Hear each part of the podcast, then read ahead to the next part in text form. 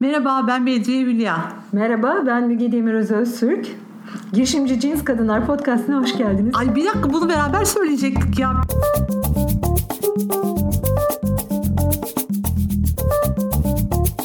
Girişimci Cins Kadınlar Podcast'ının ilk bölümünün konusu aile şirketleri. Konu ise Meltem Kurtsan. Meltem Kurtsan, patronun babası olduğu bir aile şirketi olan Otacı'dan kendi kurduğu Herbafarm Akademi'ye giden yolda öğrendiklerini bizimle paylaşacak. Kardeşiniz, eşiniz ya da çocuklarınızla bir iş kurmak istiyorsanız bu bölüm size göre ve işini nasıl kurmuş diye merak edenlere. Buyurun sohbete. Herbafarm kurucusu, Otacı'nın da yönetim kurulunda büyük ortak. Doğru mu söyledim? E işte biraz O zaman düzelteyim. sizden lütfen dinleyelim çok. Tamam. E, şöyle Herbafarm Akademi'nin kurucusu ve e, OTAC'ının da içinde olduğu Kursan Şirketler grubunun büyük ortağı. Yönetim kurulunda değilim artık. Artık değilsiniz. Değilim. Ve biz sizi aynı zamanda Kagider'in efsane kurucu başkanı olarak mı tanıyoruz? Teşekkür ederim. İki dönem başkanlık yapıp devrederek. Aynen, aynen öyle oldu. Değil mi? Yani zaten ben derneği kurarken e, özellikle tü- tüz- TÜZİ'ye e, iki dönem başkanlık e, tan sonra her başkanın iki dönem başkanlık yapmasını şart koşmuştum. Yani TÜZİ'ye eklemiştim.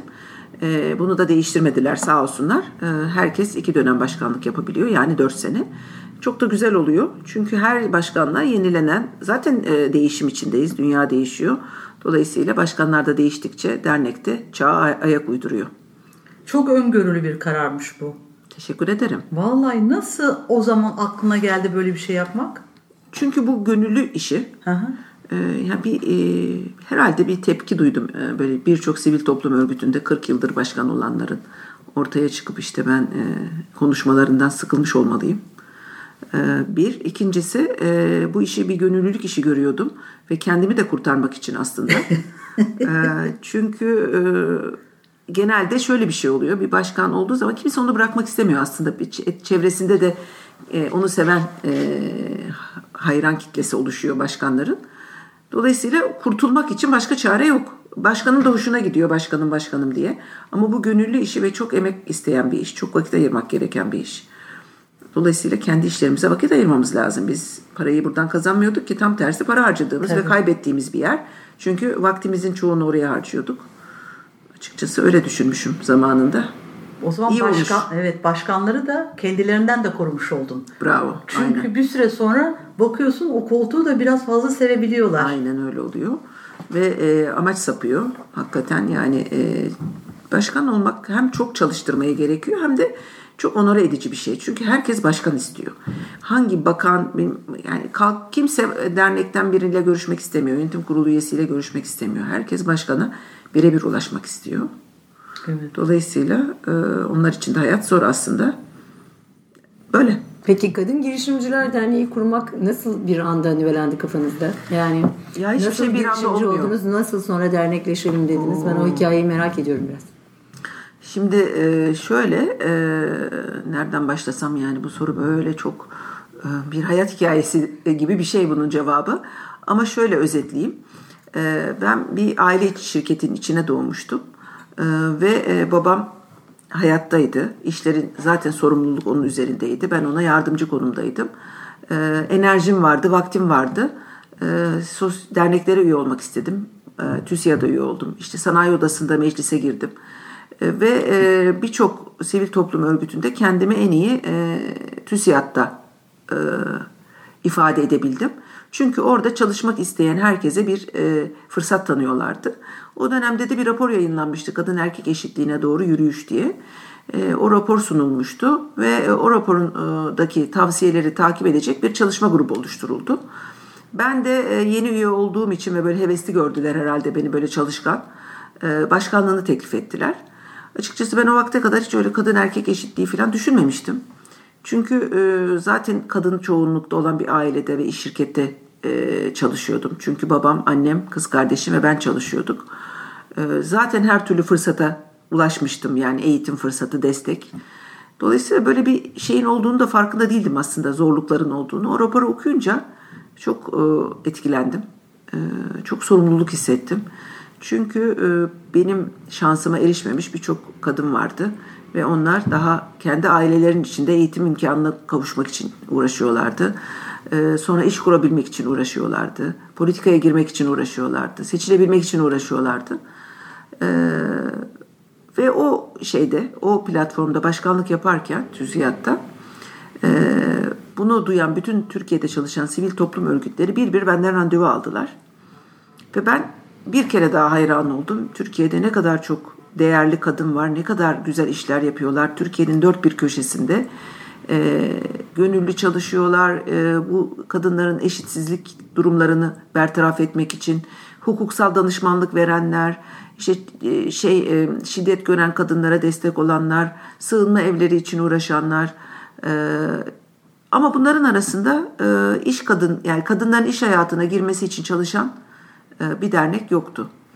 Eğitimine destek olan kadınların, kız çocukların okutulması için e, Türkan Sayran'ın bunu da an, anmış olalım. Kardelenler projesi gibi böyle çok eğitime ulaşmaları için çok çalışan vardı da hiç iş hayatına katılsın diye uğraşan dernek yoktu. O sırada e, bir Birleşmiş Milletler e, Avrupa Ekonomik Komisyonu'ndan bana bir e, mektup geldi veya bir sertifika geldi. İşte yılın kadın girişimcisi seçildiniz diye. Okey dedim yani ne güzel. Bu arada 9 kişiye daha gelmiş. Ve biz bir araya geldik. Bir gazeteci bizi topladı, bir araya getirdi. bu arada kadın gazeteciler bizim e, Kagider'in kuruluşunda çok destek oldular. Ee, özellikle Gila Ben Mayor'a da buradan teşekkür ediyorum. Kendisi e, hiçbir e, aktivitemizi e, e, basında yer almadan bırakmadı. E, ve e, şöyle bir şey oldu. Yani bu tabii kadın gazeteciler, daha doğrusu köşe yazarları e, böyle bir haberle, güzel haberlere hasrettiler. Onun e, eksikliğini hissediyorlardı. Onun için paylaşıyorlardı. Onlar her paylaşmasında biz motive oluyorduk ve daha çok çalışmaya başlıyorduk. E, derken bir yine milliyetten bir gazeteci bizi bir araya getirdi ve dedi ki e, siz artık de tek tek tanıttı ve dedi ki artık siz dedi bir dernek kurarsınız dedi.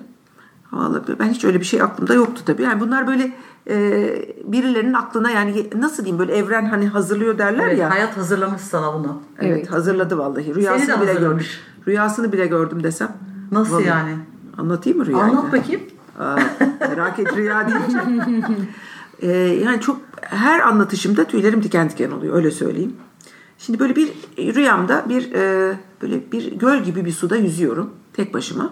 Ama böyle su bulanık ama beyaz bulanık yani pudralı gibi böyle güzel bir su yani. Ve karşıma bir şelale çıkıyor. Bu şelale yalnız böyle yaklaşıyorum. Şelale yukarı doğru çıkıyor. Ve ben de o şelaleyle birlikte yukarı çıkıyorum havaya gökyüzüne bakıyorum bir ay yıldız. Yani böyle bir şeyle uyandım. Aradan bir hafta geçmedi. Bir mektup geldi. Hayatımda öyle bir mektubu ilk defa görüyorum. E, bembeyaz bir sayfa ve üzerinde kırmızı bir Türk bayrağı e, var. Ay yıldızı resmi. Kimden geliyor? İşte Birleşmiş Milletler, Türkiye ha. Cumhuriyeti. Evet böyle bir e, şeyden sonra yine hala tabii ne olacağını bilmiyorum. Onu gördük ama yani gidiyoruz e, Cenevre'ye. Cenevre'ye gittik böyle bu dokuz kadından beşi katıldı bu toplantıya. Cenevre'de buluştuk. Cenevre'de e, ne oldu? Böyle büyük Birleşmiş Milletler salonu gibi bir salon.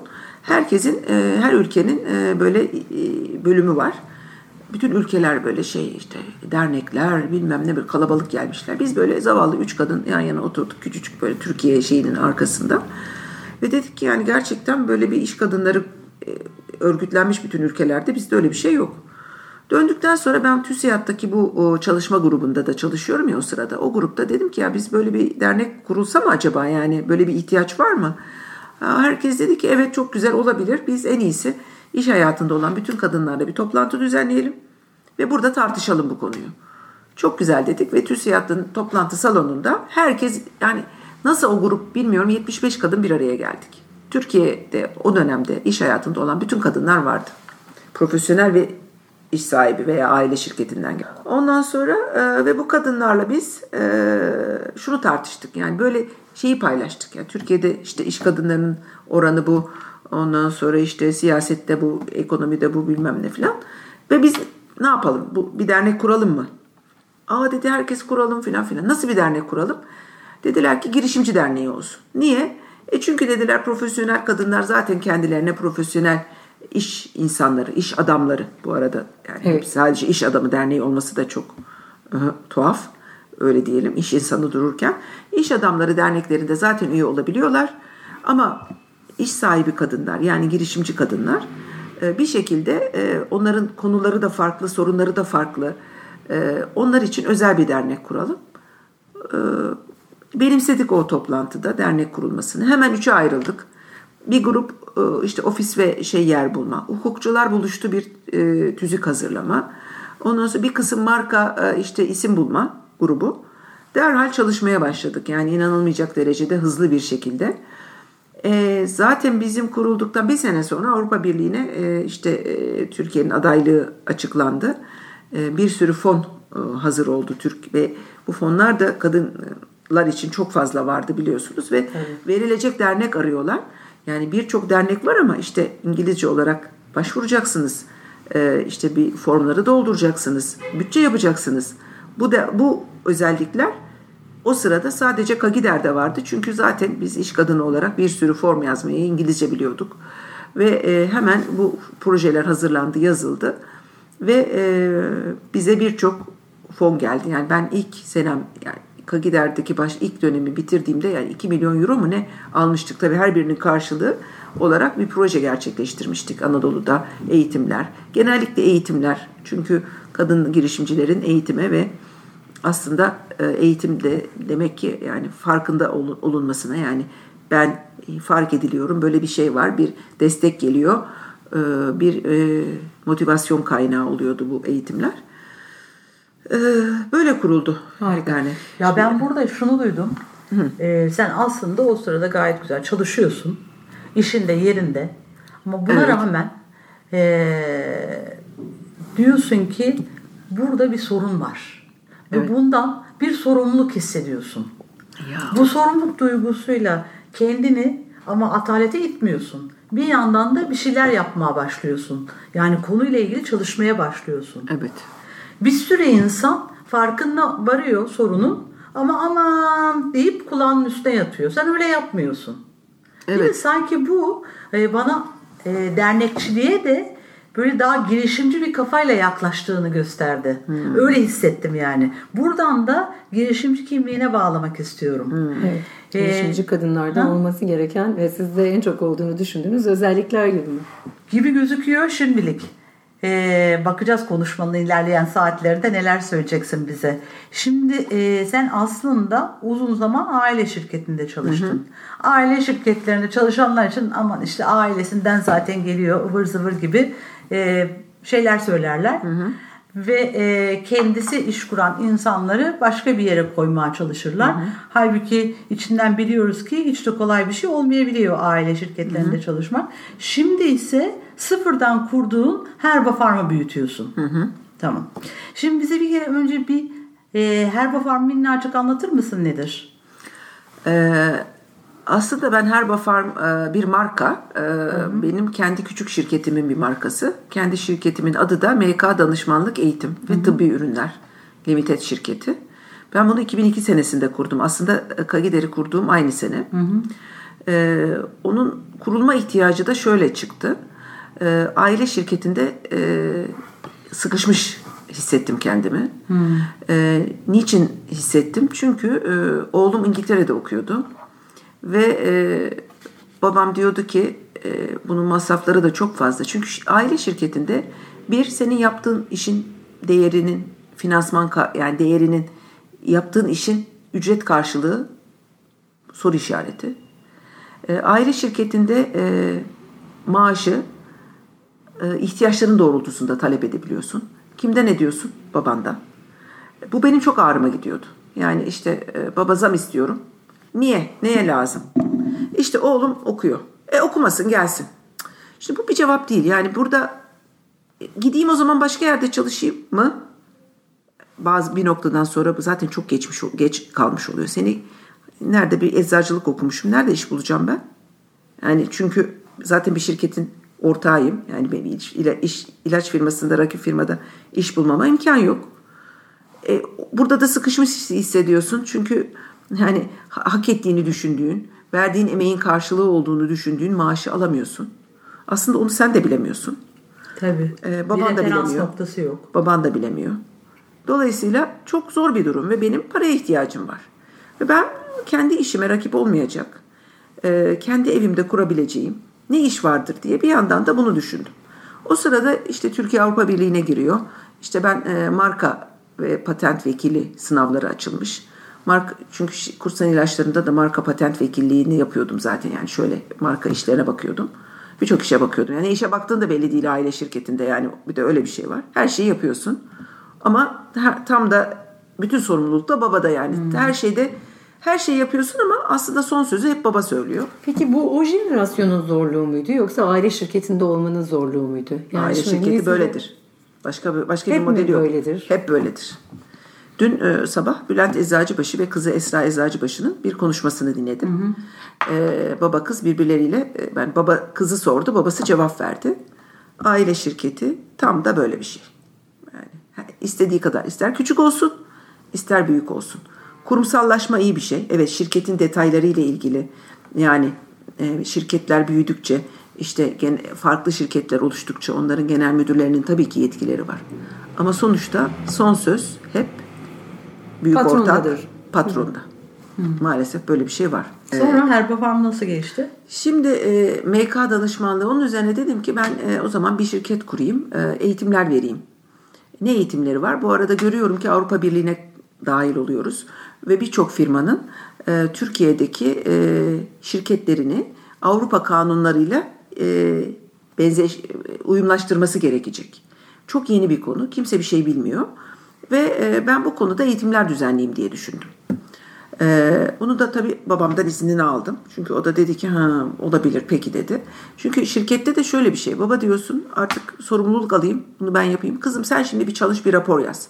Yazıyorsun hmm diyor ama o rapor gerçekleşmiyor. Ve bir devamlı böyle bir e, duvara çarpma hissi oluyor. Yani işte onu yapmak istiyorsun, geliştirmek istiyorsun. Sonra bir dönem dedim ki ya dedim baban kurmuş bu şirketi. Onun hala onun çoğunluk hissesi var. Sana da hisse vermiş tamam. Ama onun şirketi. Yani ister yapar ister yapmaz. Çok biliyorsan kalk kendin bir şeyler yap dedim kendime. Madem biliyorsun çok. Hadi yap da görelim dedim. Peki ne yapayım? O zaman dedim ki böyle bir eğitim konularına eğileyim. Çünkü e, böyle bir fırsat gördüm yani. Nitekim işte Avrupa Birliği'nde proje nasıl yazılır konusu. Şimdi herkes biliyor ya o dönemde hiç Türkiye'de verilmemişti. Ve bir tane hoca buldum yurt dışından. Onu Türkiye'ye davet ettim. Bu eğitimi düzenledim. Kimler gelmedi ki bu eğitime? İstanbul Ticaret Odası, PricewaterhouseCoopers, bilmem herkes bu eğitime elemanını yolladı. Benim ekipte genç bir ekip kurmuştum e, yeni mezundan. Benim ekipte biz de dinledik bu eğitimi. Sonra dedim ki hadi dedim biz bir proje yazalım bakalım. Hemen bulduk kendimize göre bir ihale. Ben grubu oluşturdum ekibi. Yazdık ve hemen proje kabul oldu mu? Harika. Konu ne? Anadolu'daki kobileri e, proje yazma eğitimi vermek. Yani orada öğrendiğimiz bilgileri Anadolu'ya anlat. Yedi şehire gittik bunları anlattık falan filan. Peki ilk Pioneer müşteri kitlesine nasıl ulaşmıştınız? Yani dediniz ya kimler kimler gelmedi ki. O insanlara Evet o zaman nasıl şeyi... ulaştık ki sosyal medya da yoktu değil evet, mi? Evet değil mi onu merak ediyorum. Broşür bastım. Ben. Broşürü nerede dağıttım bak hatırlamıyorum ya sanki şey gibi 2002 kaç sene önce? Demeyelim Milattan önce gibi. Demeyelim artık onları. Hayır diyelim 15 sene önce. 15 sene önce ne kadar farklı bir şey vardı. Vallahi bir nasıl ulaştım bilmiyorum. Çünkü sihirli değnek hamlesi o olmuş. Yani çok kritik bir ilk evet. kitleye ulaşmışsınız. Ondan sonra evet. tabii o süreç harika mayalanmış. Ama onlara nasıl ulaştığınız aslında çok... Ama bence sihirli e, değnek başka yerde. Fırsat görmedi. Fırsatı Niye yok. o fırsatı sen görüyorsun da başkası görmüyor? Evet başka niye? eğitim Senin şirketleri kafanda niye? ne var yani ne oluyor o nöronlar nereden nereye atlıyor? Ee, şimdi nerede var? Bir kere hedefli hedefi koymuşum ki kendi paramı kazanacağım. Tamam. Çocuğumu okutacağım yani. İhtiyaç İngiltere'de. Var. Evet. İhtiyaç, İngiltere'de okumasına devam etmesini istiyorum. Hı hı. Yani böyle bir hedefim var. E burada yollar tıkalı. Burada da bir fırsat görüyorum. Ama fırsatı niye sen görüyorsun? Nasıl görüyorsun? Herkesten yani? önce nasıl görüyorsun? Ha, yani e, bir sürü insan böyle proje fikri arıyor, arıyor, arıyor, arıyor. Senelerini böyle geçiriyor. Sense fırsatları görüyorsun. Neden görüyorsun? Şimdi, Nasıl bakıyorsun da görüyorsun? Hı. E, e, nasıl bakıyorum? Yaş kaçtı veya çok özür dileyerek soracağım ama çünkü Öyle yaşım ama ortaya çıkacak. Aşk olsun. Amerika'da yapılan mu çok çocuğum? özür dileyerek soruyorum. Çocuğum. Ee, Amerika'da yapılan bir araştırmaya göre ideal girişimcilik yaşı 42 çıkmış mesela. Yani bu fab şirketleri saymıyoruz. İnanmıyorum. Hype olanları. Evet, yani 42 sosyal medya, yaşındaydım ben de. Şey deyip, evet. Şaka mı Çünkü- yapıyorsunuz? Hayır çünkü bu bir araştırmayla 42. da sabit. Evet. E, piyasaya bakıp bir kere konunun farkında olacak kadar olgunluk geliştirebiliyorsunuz. Evet. Bunun çözümü var mı ya anlıyorsunuz? Onu anlamak için insanın en az 40'a gelmesi gerekiyor ama 42'nin sihirli bir yaş olduğunu anlıyoruz. Yani 42 tesadüf bir yaş değil. de 42 yaşında kurdum. Evet. MK danışmanlığı da 42 yaşında kurdum. Çok ilginç. Ben de 42 yaşındayım. İnşallah girişimimi bu sene Aa, yapacağım ben yani. de Bifit'i 42'de kurdum. Yok canım. Vallahi. Tabii. Aa, Bak inanmıyorum. görüyor Bak, musun görüyor Meltem? Bu konuya Bir şey ilgili- bulduk. Bir şey Ama bulduk. alt cümle neymiş? Demek ki kadınların yaşı sorulmalıymış. Gördünüz mü? Hayır buradan da bir fırsat çıkabilir. 42 yaşındaki kadınlara oynayalım bence. Onlara hedef seçelim. Hedef seçelim. Evet sen- ben hemen bir şey buldum bak buradan çıkarttım. Sen de az değilsin tabii. Tabii. tabii. Girişimcilik konusunda hocam. Estağfurullah hocam. Peki fırsat. Nasıl gördüm o fırsatı? E çünkü ben sektördeyim ya biliyorum sektörün ihtiyacını. Masarın bu tarafındayım. Güzel. Yani kendi şirketim, ilaç şirketlerini biliyorum. Evet. Bu şirketlerin neye ihtiyacı olduğunu biliyorum. Heh. Şimdi bu proje yazmadan sonra döndüm ilaç şirketlerine ne lazıma? Ha. Nasıl Avrupa Birliği'ne açılacaklar ya herkes. Ruhsatları te- tescil olacak filan. Nasıl GMP kuralları bir sürü kural geliyor ilaç sektörüne. Hmm. Bu kurallara için ne lazım? Hemen e, şey yurt dışından bir hoca. Burada bir otel odası kiralıyorum. Konuyu o zaman daha kolaydı. Çünkü ilaç şirketlerine ulaşmak daha kolay. Faks yolluyordum filan. Bak faks diye bir şey vardı. Evet hakikaten. Tabii. Çin çin çin çin öttürürdük böyle. Benim için bir bilgisayar programıydı o yani uzun zaman Ha, ama tabii sizin öyle için mi? aletler. Fakslar giderdi ilaç firmalarına filan. Yani o zaman daha şey oldu. Ee, ama hakikaten ya bu ilk şeyi nasıl ben onu bir düşüneceğim. Bak sana e, sen hafıza- söyledin aslında demin. Evet. E, fırsat dediğin zaman aslında fırsat kollamıyorsun. Sen ihtiyaç kolluyorsun. Bakıyorsun. Yani bir sürü Hmm. girişimci de var. E, nasıl kimin ne ihtiyacı var diye bakıyoruz aslında. Evet. Değil mi? Fırsat Tabii ki. dediğimizde böyle ortaya çıkıyor sanki. Evet. Bir sorunu çözmeye çalışırken çıkıyor zaten. Peki şeyi söyleyebilir miyiz? Yani kadınların burada kendi işlerini kritik kitlelere ulaştırması için nerelere içli dışlı ilişkiler geliştirmeliler ki daha kritik insanlara ulaşabilsinler? E şimdi e, bir kere güncel olmak lazım. Yani haberleri izlemek. Filmleri falan şeyleri öyle lüzumsuz filmleri seyretmeye gerek yok. Yani vakit nakit çok değerli. E, ben şimdi şu arada sosyal medyadan çok şey öğreniyorum. Niye? Çünkü işte sağlıklı besinler, yerli, yabancı neler yapılıyor bunları izliyorum. Oradan bir sürü fikir alıyorum şu andaki işimle ilgili. Şu an akademiyi de gel- gelemedik değil mi soruna? Gelemedik soruma. Ay Evet. haklısın. Dur. Oraya bir unutmayalım şu ne yapmak Tamam. lazım konusunu. Önce senin soruna cevap devam edeyim. Evet böyle bir eğitim şirketi bazı oluşturduktan sonra e, bir sürü ilaç şirketine eğitim düzenleyen hale geldim. Yalnız geldim o sırada ne oldu? Babam rahatsızlandı.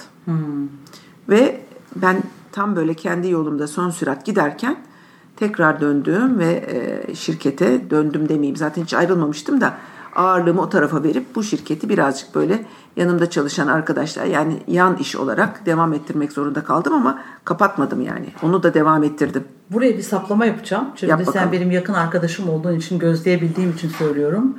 Çok güzel iş delege eden bir insansın. Evet ediyorum. Evet.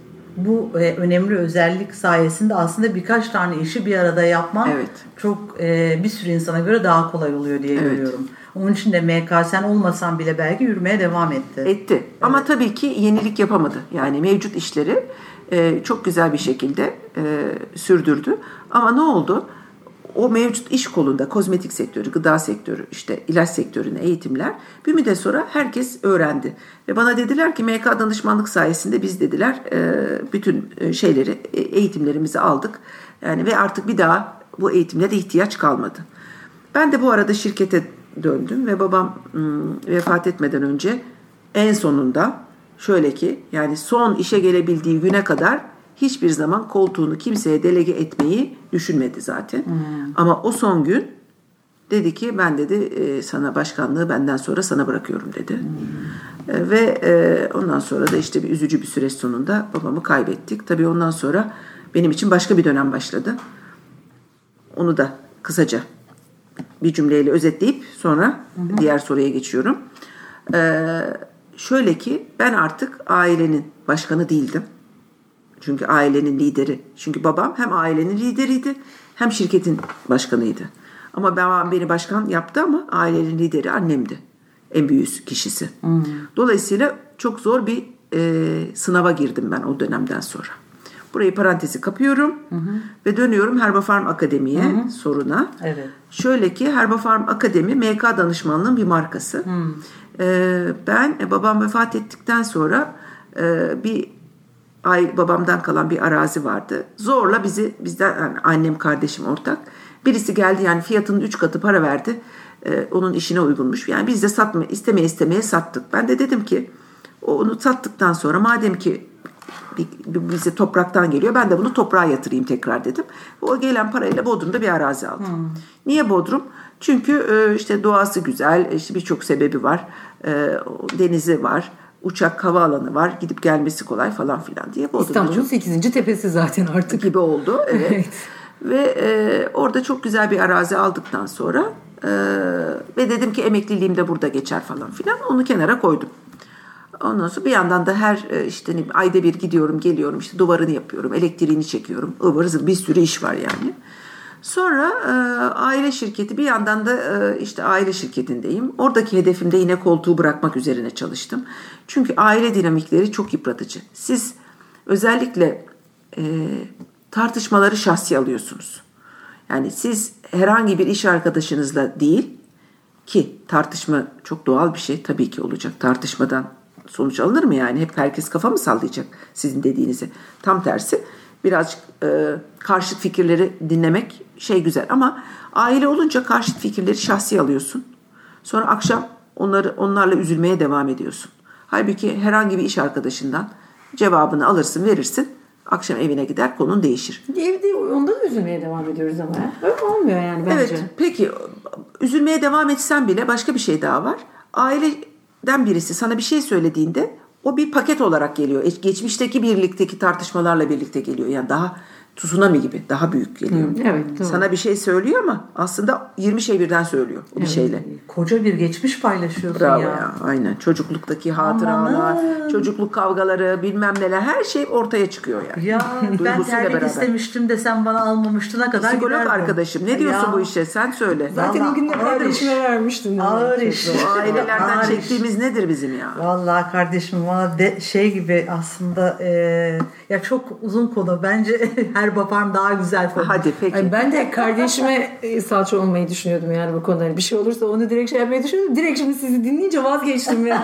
Kendime kurumsal birini bulurum daha. Ay başka yok. Ay, bunun yöntemleri var. Şimdi onları da konuşacağız. Yani sonuçta Meltem her baparmda şimdi oğluyla çalışıyor. Aynen Değil öyle. mi? Onun için e, ve gördüğüm kadarıyla da güzel bir beraberlik götürüyorlar. iş beraberliği Çok şükür götürüyorlar. ama Evet. ama e, zor zamanlardan geçtik. Mutlaka geçilecek tabii ki. Yani ortak bir dil oluşturmak için bir sürece ihtiyaç var. Ee, o kısımlarını da ona soralım bence nasıl oluyor diye. Tabii. Şimdi Herba Farm'ı ama gene bitiriver bize. Evet şimdi. Herba Farm e, arazi e, işte daha sonra arazinin sınırlarını e, çizdiğim zaman duvarları örünce ay dedim bir tane keçi boynuzu ağacı var. Sınır tam ortasından geçiyor. Allah'ım dedim geceleri uykum kaçıyor. Yani o ağaç bende olmalıydı. Yani o arazi falan değil o bitki doğasını alıyorum diye düşünüyorum. Yani doğasına sahip tabii olamıyorsun doğaya da ama yani bir şekilde bir koruma altına aldığım bir alan var. Ne yapayım ne yapayım şirketten para alamıyorum zaten. Öyle bir şey imkanı yok yani şirketten para alınmaz bizde. Şirkete para yatırılır. Daha çok yatırılır. Emeği verir, canını verirsin, ruhunu verirsin, paranı da verirsin, çekemezsin. Neyse bir ev almıştı babam zamanında.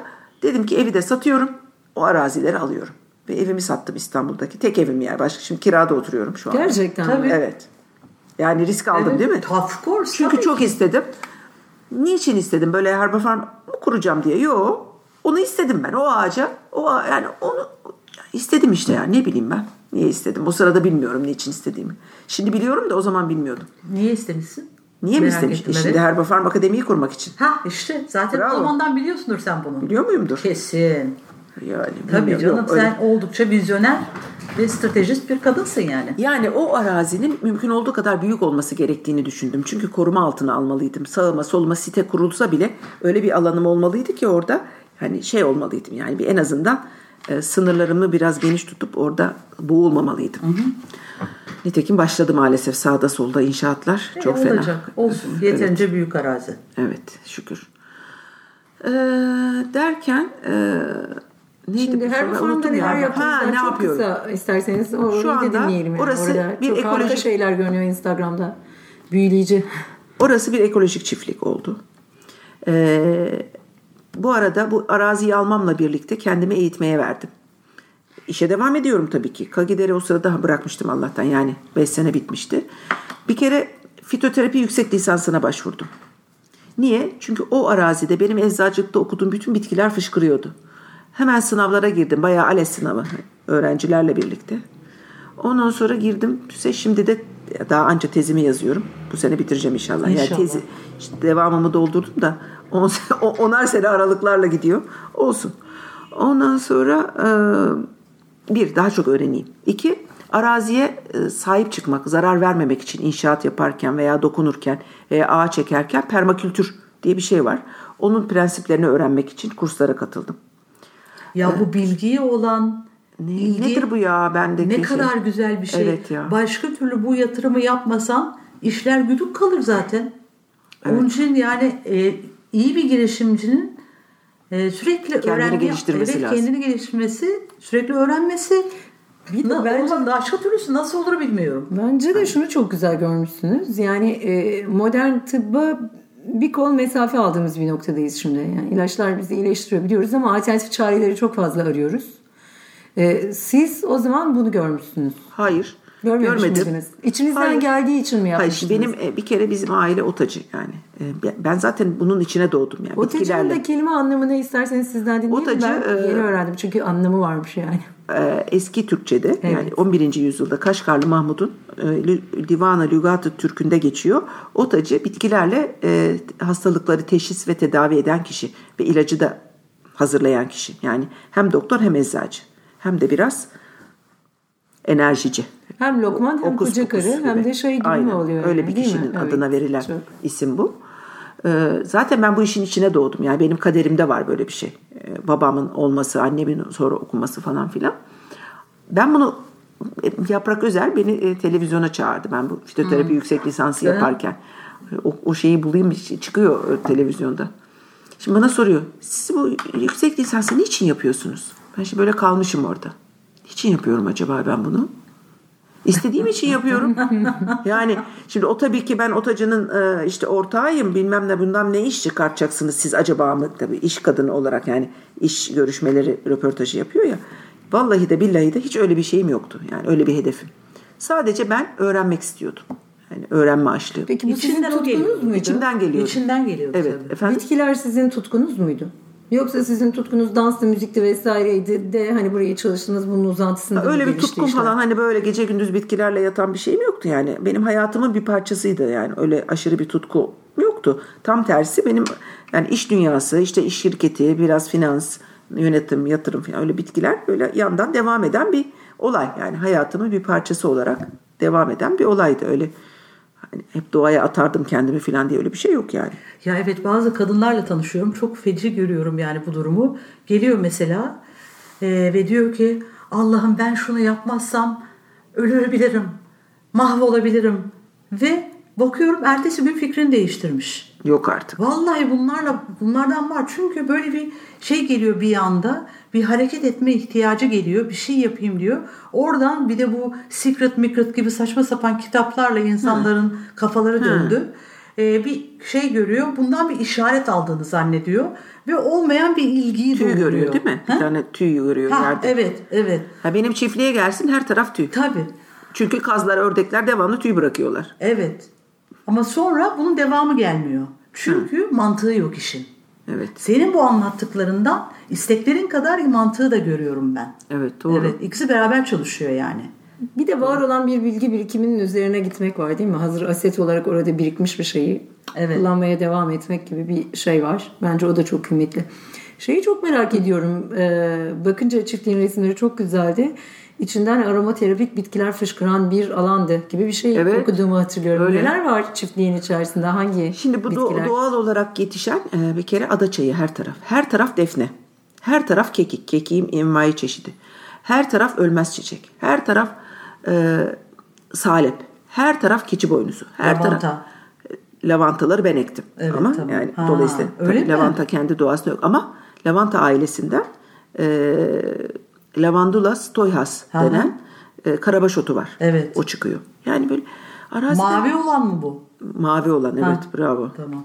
Ee, yani bir sürü fit- bitki fışkırıyor yani doğal olarak ama burayı kazıp da evine beton dökmediğiniz zaman çıkıyor. Evet, Doğasını yani- koruduğunuz zaman. Doğadaki Son Çocuk diye bir kitap okumuştum TÜBİTAK yayınlarından. Çok gerçekten güzel bir kitaptı. Üzerinde zaten bir sefer kepçe dolaşan bir arazinin içinden doğal olarak yetişen otların tekrar çıkması mümkün olmuyormuş. Çok doğaya saygılı Ee, O kadar diyemeyeceğim. lazım. Yani eğer etrafı da biraz varsa onlar yine kuşlar, böcekler uçuşuyor filan. Yani tamamını talan etmiyorsanız arazinin oradan buradan uçuşarak bir müddet sonra yani ben mesela bir yol açtım. Yol yolu açtığımda yanlara dökülmüştü topraklar. Ay dedim çok kötü filan. Bir baktım adaçayı fışkırıyor yani. Ya. Oradan buradan geliyor o bitkiler yani. Ay çok güzel bir şey. Orada bir kahvaltı ediyorsun. Vallahi aklın uçuyor yani. O kadar güzel ki her şey şeyden, bahçeden kopar kopar ye. Ne kadar Aynen. güzel, ne kadar Evet, kahvaltıya davet ediyorum artık insanları. Çünkü kahvaltılık çok güzel şeyler çıkıyor. Evet evet. Bir arazide. de Mentoş çok güzel kahvaltı hazırlıyor. Canım benim. Evet, Sağ ol. Kadın olmak çok yönlü olmak demek değil mi? Tabii tabii. Daha bir dakika herbafarmanları Bitmedi. bitiremedik Bitmedi. ki. Ne yapıyorum ben orada? Evet. Neyse or- permakültüre gittim. Sonra orayı e, ekolojik çiftlik sertifikası aldım. Nasıl alınıyor bu? E, Tatuta diye bir e, kurum var. Buğday Derneği'nin. Evet. Tarım Turizm Takas. Takas. Ondan sonra oradan geliyorlar. Başvuruyorsun. Ekolojik çiftlik olmak istiyor. Geldiler. Baktılar. Evet olabilir dediler. Ve ben her sene kız öğrencileri tabii ki tercih ediyorum. Arada bir erkek aldığımda oluyor ama yani kız öğrenciler gelip orada kalıyorlar. İki, yani fazla da iki kişi falan alabiliyorum e, bir dönemde. Yani yıl boyunca da işte 6-7 öğrenci geliyor. E, Orada yaşıyorlar. E, Ekolojik hayatı deneyimliyorlar. Çalışıyorlar senin istediğin işte. Ondan sonra yemek bizden veriyoruz falan. Öyle bir şey. Ekolojik çiftlik oldu orası. Sonra organik tarım sertifikası aldım. Çünkü orada keçi boynuzu yetişiyordu. O koca keçi boynuzu her sene bir ton dökülüyor yerlere. Dayanamadım. Hemen onları öğüttüm. Tabii girişimciyiz ya. Öğüttüm, şişeledim falan. Ondan sonra piyasaya verdim onları ama isteseniz ki 10 bin kutu yok. Ne varsa o arazide. Ha çok talep olursa yapar mıyım? O ayrı mesele. Onu yaparız tabii. O zaman e, olan kaynak var. O kaynağın da ne işe yarayacağını da buluyorsun bir yandan da değil mi? Evet, Oradan aynen. çıkmış keçi boynuzu var. Millet bakar bakar yaprağının altında serinler. Aklına onu öğütmek Evet, gelmez, mesela. Evet. O neden geliyor bana? Yani ben tabii e, tutumlu bir ailede büyüdüm. hı. Dolayısıyla yani o yere dökülen zavallı keçi boynuzlarını acıdığım için ve bunun bir de çok değerli olduklarını biliyorum. Literatür araştırıyorum. İşte içinde demir var, kalsiyum var, bronşite iyi geliyor, kan e, yani vitamin hapı gibi. Vitamin hapı almayın. Keçi boynuzu yiyin kardeşim yani. Enerji de veriyor. Beyni çalıştırıyor. Doğal e, şeker Kalorisi var de içinde. düşük üstelik değil mi? Kalorisi de düşük ama yani illaki düşük olması şart değil. Vitamin var ya içinde. Evet. Hani yani bir kaşık yani bal, bal yerine mesela bunu yemek bence daha güzel. Bal, keçi boynuzu, özü, pekmezi ya da yemek mesela keçi filan. Ondan sonracığıma daha gelemedik. Evet. Sonra 10 sene boyunca ben orada o ağacı ektim. O ağacı tutmadı. Onu aşıladım. Aşıda oldu olmadı işte arazide deneyim yapıyorum yani. Şu araziyle oynuyorum ama böyle ödüm patlıyor. Bir dal keserken bir dakika şu dalı keselim mi kesmeyelim mi? Her şeyini ben buduyorum ya da yardımcılarıma budatıyorum birlikte ama ben karar veriyorum şekillenmesine. Mesela köylü geliyor ne kaldır bunları diyor bu meşeleri bu ne böyle diyor pislik burası diyor. Allah. Diyorum ki bu pislik değil ki ne zaman yani ne demek filan. Böyle bir zihniyet var etrafta. Mesela meşe palamudundan elde edilen unu biz ne zaman Türkiye piyasasında yiyebileceğiz? Yunanistan'da bunu benim arkadaşlarım Hı. yapıyorlar. Ama Türkiye'de böyle bir şey yok. meşe- Üstelik glisemik endeksi de çok düşük. Yani Meşe palamudu e, kabız bir maddedir yani tıbbi bir şeydir öyle yenmez ki o. öyle mi? Onlar ununu yapıyorlardı Yenmez. Amerikalı eşiyle birlikte. Allah Allah onu bilmiyorum. Yani çok değerli bir e, tıbbi ilaçtır. E, palamutun öğütürsünüz ishallerde kullanılır. Ama acıdır tadı filan filan. Yani un gibi bir şey yenen bir şey mi onu duymadım. Belki Araştıralım. yeni bir iş fikri geliyor. o da- Araştıralım. Yani, Eczacıya soracaksın. e, yani tabii. O yüzden zaten ben de konusunu getiriyorum. Araştıralım Evet. ne olduğunu. Evet sonra bir sürü hatalar yapınca ya dedim bir dakika mesela zeytin ağacımın bir tanesinde bir kökünden budadı birisi bir cahil geldi biliyorum diye. Ay ben yine üzül üzül üzül ah bu ağacım gitti diye neyse ağaç toparlıyor Allah'tan zeytin ağacı çok ulvi bir ağaç. Dedim ki ilk bir eğitim düzenleyeyim o zaman dedim. Zeytin ağacı budama ve aşılama eğitimi. Bir tane ziraat mühendisi buldum. Ben zeytin anlattım filan. Kaç kişi geldi? Üç kişi. Bir tanesi e, ücretiyle iki tanesi benim misafirim olarak arkadaşlarımdan. Ya böyle aa dedim filan güzel okey. Sonra e, ikinci eğitimim neydi? Ekolojik mimari. Çünkü benim arazideki ekolojik e, evleri hep ekolojik mimariye uygun yaptım. Ondan sonra ona işte beş kişi geldi derken bir bak doğal kozmetik yaptım bir tane. Doğal Hepimizin kozmetik. arayıp bayıldığı şey işte. Evet Herba Farm'da şu anda Kızım çok malzeme var sende. doğal kozmetik, aromaterapi, homeopati, ondan sonracığıma e, ekolojik mimari, organik tarım, e, ondan sonra başka şuradan kopya çekeyim bakayım unuttum. Heh, şu broşürümü açayım. Ne olmuş başka? Naturopati, beslenme terapisi, detoks, ondan sonracığıma e, şu gözlüğümü takayım bir dakika. Başka ne var? E, mindfulness, Ondan sonra şimdi zeytinyağı tadımı. Bodrum bitkilerin tanımı atölyesi. Her sene onunla başlıyorum. Yani önce botanik hocaları ve ben ve konusunun uzmanları geliyor. Her şeyi de ben vermiyorum delege etme. Çünkü beni ben de sürekli şey kalmayayım. Bir de bir platform olsun bu yani. Konunun uzmanlarını tanıyorum ya yılların birikimi. Ee, onları davet ediyorum. Hem onlar orada kalıyorlar hem hoşlarına gidiyor. Hem işte öğrenciler geliyor falan filan. Böyle bir akademi oluşturmuş oldum. Bunun adına da Herba Farm koydum adını oranın. Bu konulardan en çok hangisini seviyorsun? Bu saydıklarından. Şimdi e, sev- sevdiğim şey şu yani doğal kozmetik çok popüler. Onun için hoşuma gidiyor. Çok gelen oluyor, katılım oluyor, beğeniliyor. Ama e, burada öğrenmeye başladığım konular var. Aromaterapi mesela bu aromaterapi konusunda. Zaten çok uzak olduğumuz şey değil. Yani otacı da aslında aromaterapi yapıyordu. Yani uçucu yağlarla işte kekik yağı, adaçayı yağı, işte e, günlük ağacı yağı, e, ondan sonra mm, fesleğen yağı, zencefil yağı gibi yağlarla e, çeşitli formüller oluşturmak diyelim.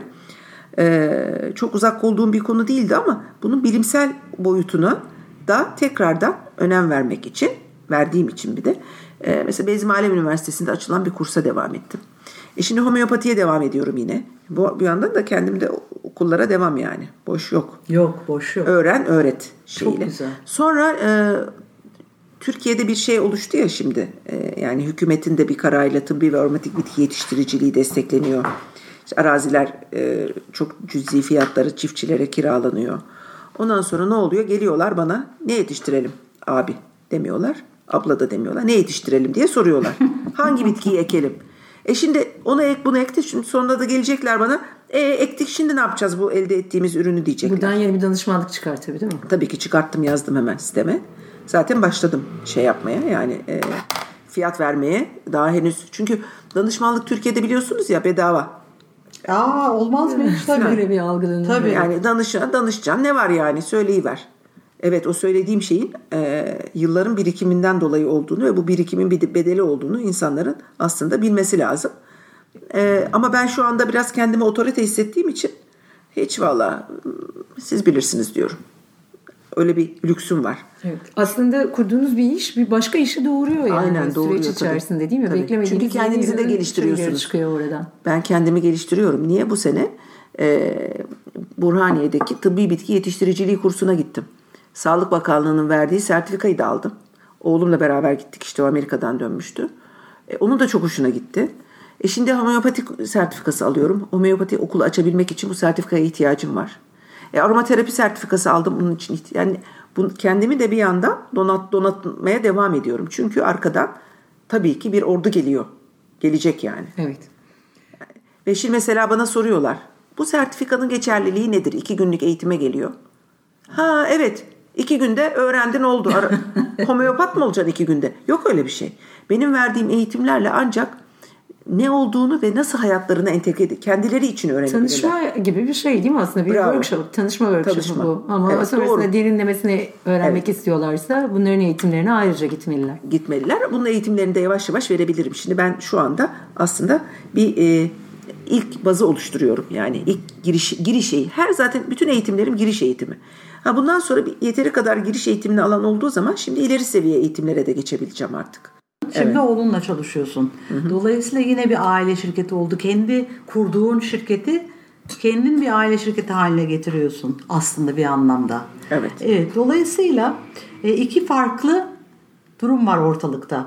Ve e, kendi daha evvelki odacıdaki çalışırken oluşan durumlardan hangilerinin olmaması için dikkatli davranıyorsun. Şimdi oğlunla çalışırken. Birinci sorun bu. İkincisi de o eski ilişkinin öğrendiğin hangi iyi şeyleri şu anda uygulamaya devam ediyorsun? Evet.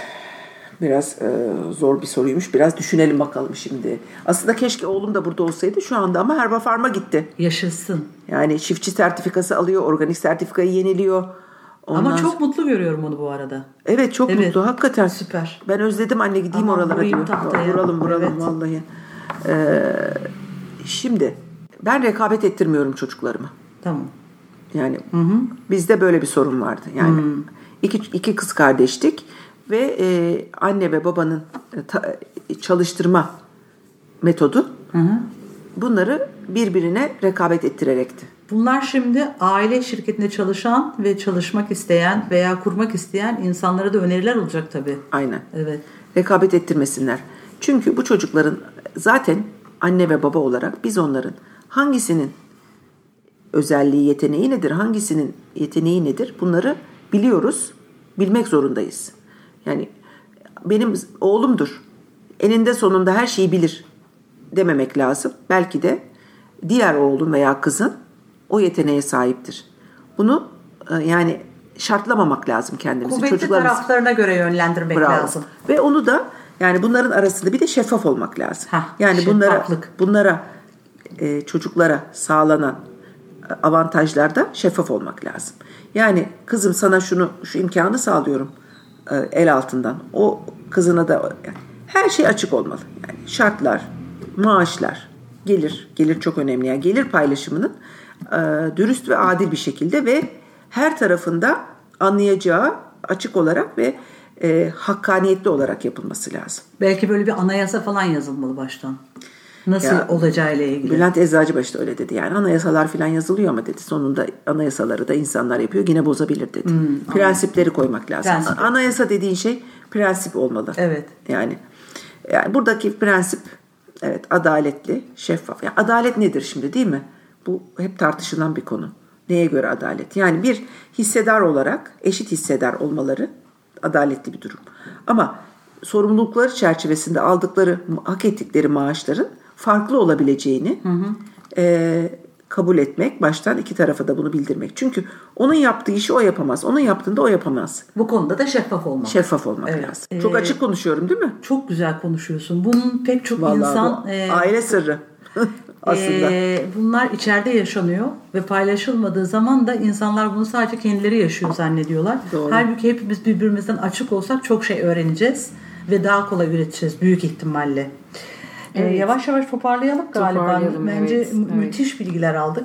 Teşekkür ederim. Ee, ben senin söylediklerinden sorumluluk duydum. Öğrenmeye devam duydum. Harekete geçme duydum. Hatalardan öğrenme duydum. İhtiyacı gözlemek ve fırsata dönüştürmek ne duydum. güzel şeyler duymuşsun. Bravo. evet.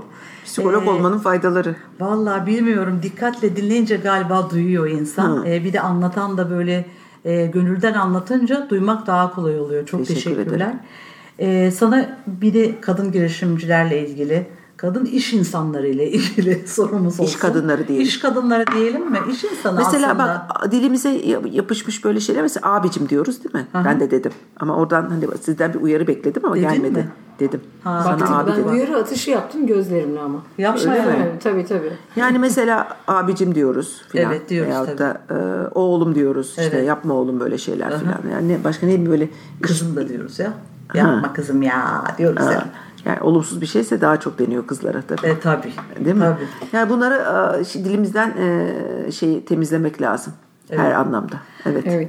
Girişimci kadınlar kendilerini nerelerde geliştirebilirler? Yani sizin beslendiğiniz kanallar hangileri? Hangi televizyon programlarına bakıyorsunuz? Hangi gazeteleri okuyorsunuz? Hangi dergileri okuyorsunuz?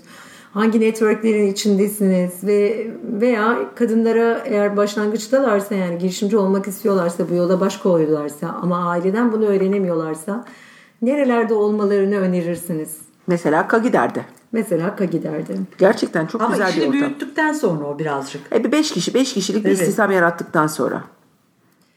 Ama biz bize var Ondan şimdi. evvel- Biz bize yok mu? Var biz bize var tabii. Kadın sen yaparsın var. Tabii.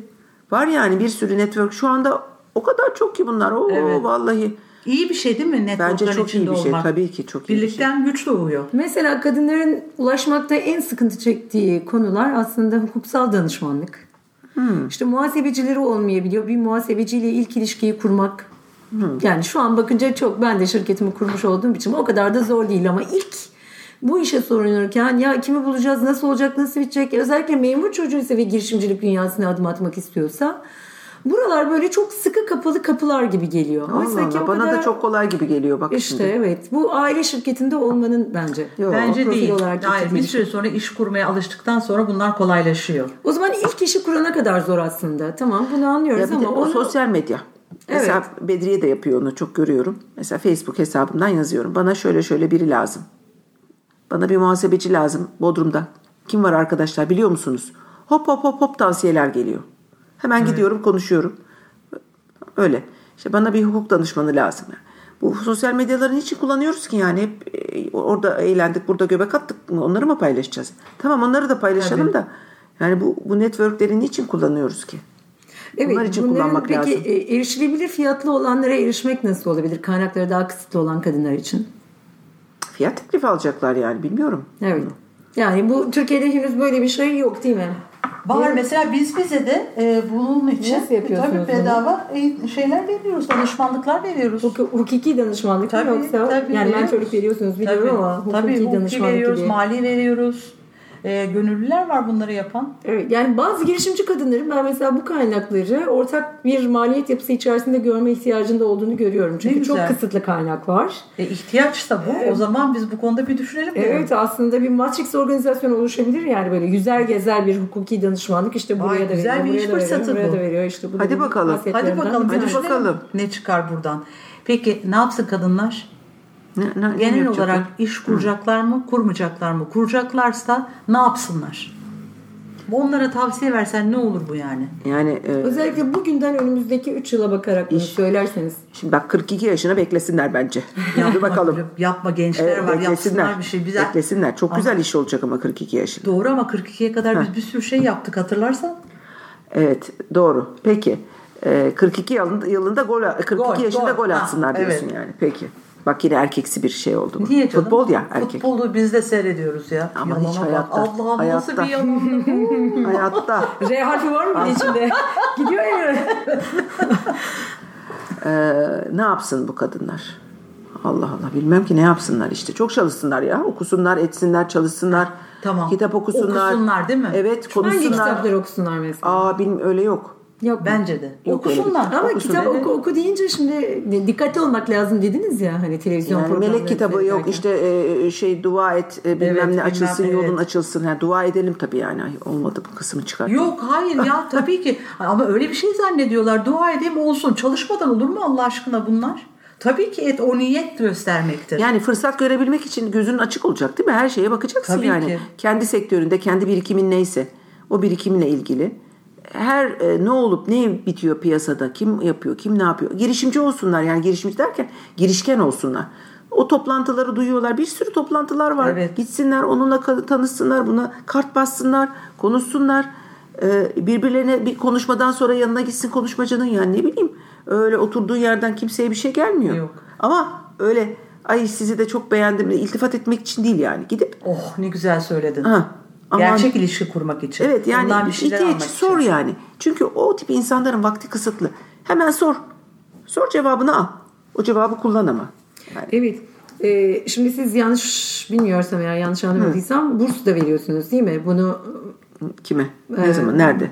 iki yıl önce burs veriyor. Her Veriyorum, evet. Veriyorsunuz evet. Bunu Evet. ulaştıralım mesaj olarak. Söylemek ister Şimdi bir kere e, şöyle e, ben bir m, Aksoy Holding'in bir e, şeyinde bir e, şey konuşmasında bir e, projesinde yani e, gayrimenkul projesi için beni konuşmaya davet ettiler. Ben de dedim ki Ayşe Arman'la beni konuşturdular. Şerba Farm'ı anlattım tabii yine orada. Ben de dedim ki yani bu konuşmanın karşılığında ben e, kız öğrencilere burs vermek ister, isterim. Daha, doğrusu o öyle gelindi teklif. Çok beğendim onun için gittim konuşmaya. Ve e, 10 öğrencinin e, şeyini karşılayacak kadar bir fon aldım e, Aksoy Holding'den. Ve bunu her eğitime, düzenlemekte olduğum eğitime e, ilgili üniversitelerin e, de okuyan mesela hani aromaterapi eğitimine, eczacılık, işte mimari eğitimine, ekolojik mimariye, mimarlık fakültesinde onu burs duyurularını internetten paylaştım. Talepler geldi. Mesela bu kızlar oturuyorlar, takip ediyorlar bu benim beni demek ki. Ya bunun gibi böyle bir sürü fırsat çıkıyor. Yani size ulaşmak 10 tane kız geldi. Evet tabii. Instagram'dan aslında bile etsinler. ulaşabilirler Aynen. yani değil mi? Yani ulaşıp da ben burs istiyorum diye değil. Ben zaten fırsatları yayınlıyorum. Yani öyle de rahatsız edilmemek de lazım. Çünkü o da o da O da iyi bir şey değil. Yani. o değil Hoş değil. Yani şey ama zaten fırsatlar çıkıyor. olmak evet. için. Fırsatlardan haberdar olmak için sürekli e, bakıyor, inceliyor, görüyor. Yani oturup da böyle bir evlilik programı seyretmesinler yani. İşlerine güçlerine baksınlar. Neyse o yani ilgilendikleri konu. Evet. Ben doyamıyorum yani e, şeye bakmaya. Vaktim yetmiyor internete bakmaya, araştırma yapmaya. Ya. Şu anda kendi konumla ilgili sağlıklı yemekler pişirmeye. Evet toparlıyoruz. Bediye Hanım söylemek istediğiniz son bir şey var mı? Valla e, Meltem'in son bir şey varsa söylemek istediği, duyulmasını istediği Şimdi bu yeni alalım. bu iş ne şimdi sizin bu podcast? Nedir Ha, bu? evet. Anlatın bakayım bu nedir ya? Ya şimdi e, bu iyi bir şey. Şimdi e, bunu bir sürü Türkçesi yok mu bunun? bilmiyorum Podcast'in tam olarak Türkçesi yok. Pod ne demek?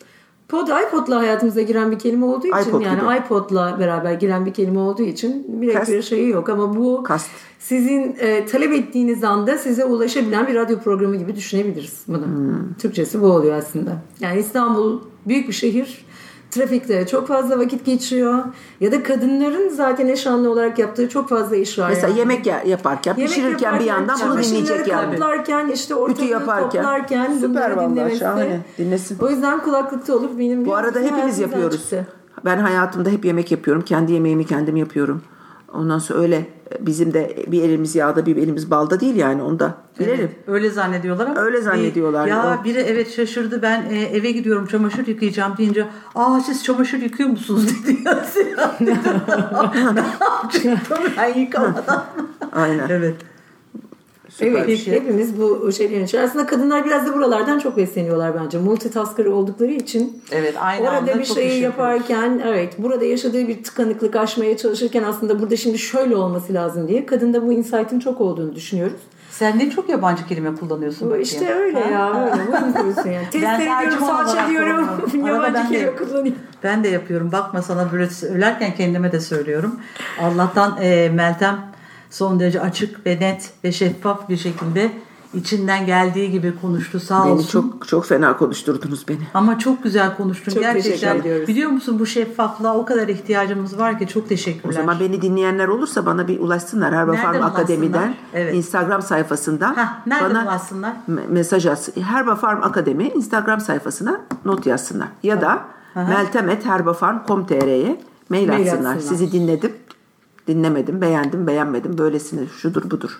Mükemmel. Çok, teşekkür Çok ediyorum. Rica teşekkür ederiz. Yazın teşekkür ederim. inşallah Herba Farm'da sizi Gelin. ziyaret etmek üzere Tabii çok ki. isteriz. Randevu alarak gelmek herkes için mümkün. Ben randevusu geleyim mi? Sen başka. 40 yıllık arkadaşım aşk olsun. Tabii ki geleceğim. Çok teşekkür ederim. Çok teşekkür. Öpüyorum sizi. Hoşçakalınız. Bye bye. Hoşçakalın. Hoşçakal.